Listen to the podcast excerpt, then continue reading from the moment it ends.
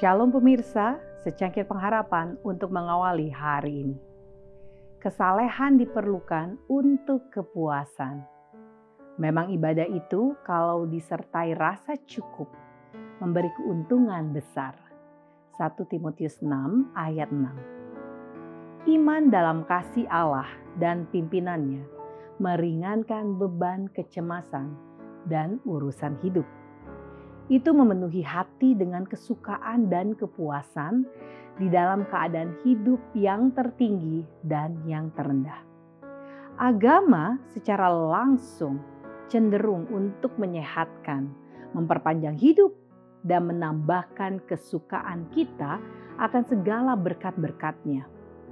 Itu membukakan kepada jiwa kita satu sumber kebahagiaan yang tidak pernah kering Seandainya semua orang yang belum pernah memilih Kristus bisa menyadari bahwa ia mempunyai sesuatu yang jauh lebih baik untuk diberikan kepada mereka daripada apa yang sedang mereka cari bagi diri mereka sendiri.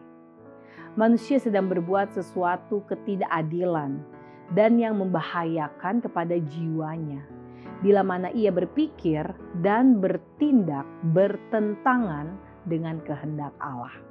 Alfa dan Omega jilid 2 halaman 237 dan 238. Untuk menjadi bahagia, kita harus berusaha untuk mencapai karakter yang Kristus minta.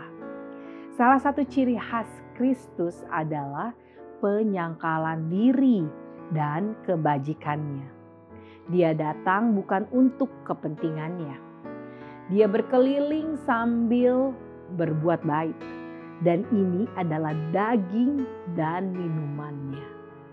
Kita dapat dengan mengikuti teladan Juru Selamat, berada dalam persekutuan kudus dengan Dia, dan dengan berusaha setiap hari untuk meniru karakternya dan mengikuti teladannya. Kita akan menjadi berkat bagi dunia dan akan menjamin bagi diri kita sendiri kepuasan di dunia dan upah kekal di dunia baru.